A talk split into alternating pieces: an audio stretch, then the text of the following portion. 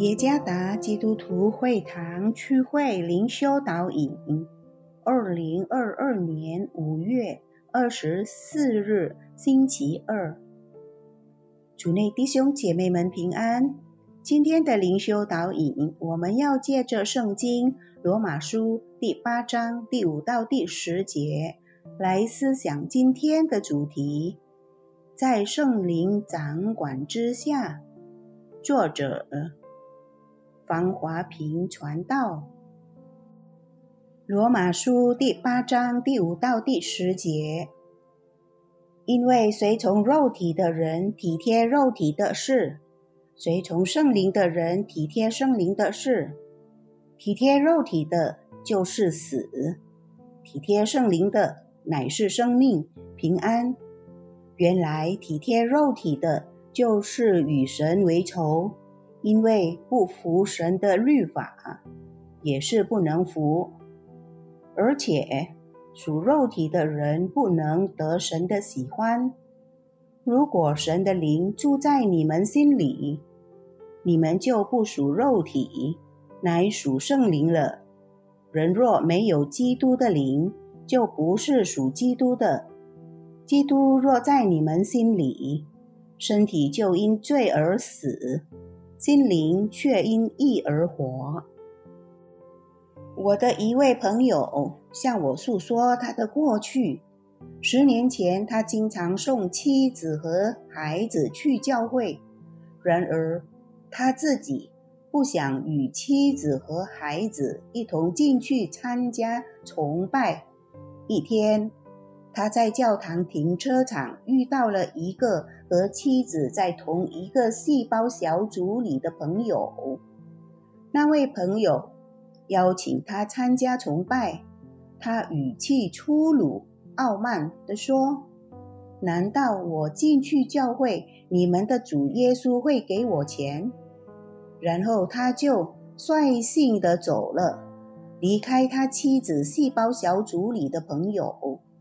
一点羞愧的感觉也没有。我这位朋友过去的性格是一个仍受肉体情欲管辖的人的特征之一，其内心和态度倾向于反对真理，无能为力做正确的事。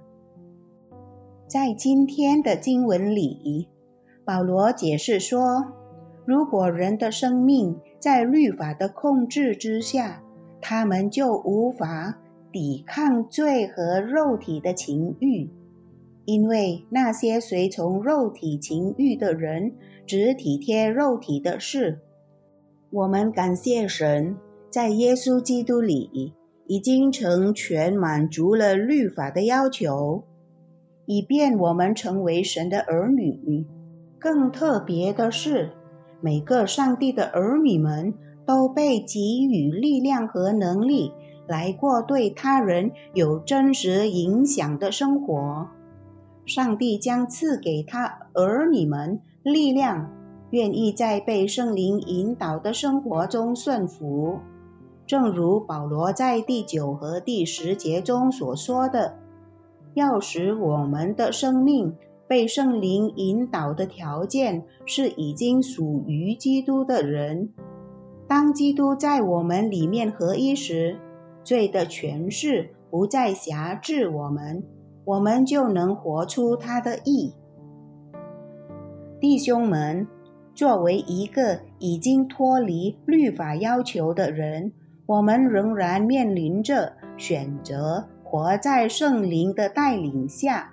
还是仍然是旧人活在服从肉体的情欲中，但是肉体的情欲不再能辖制我们，因为我们已经属于基督了。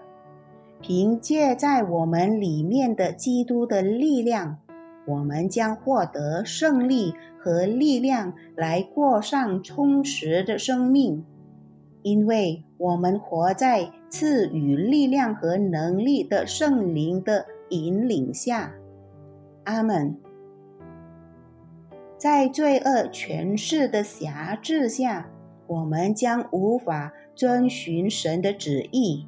相反的，当基督在我们里面合一时，圣灵会使我们有能力为他而活。主耶稣赐福。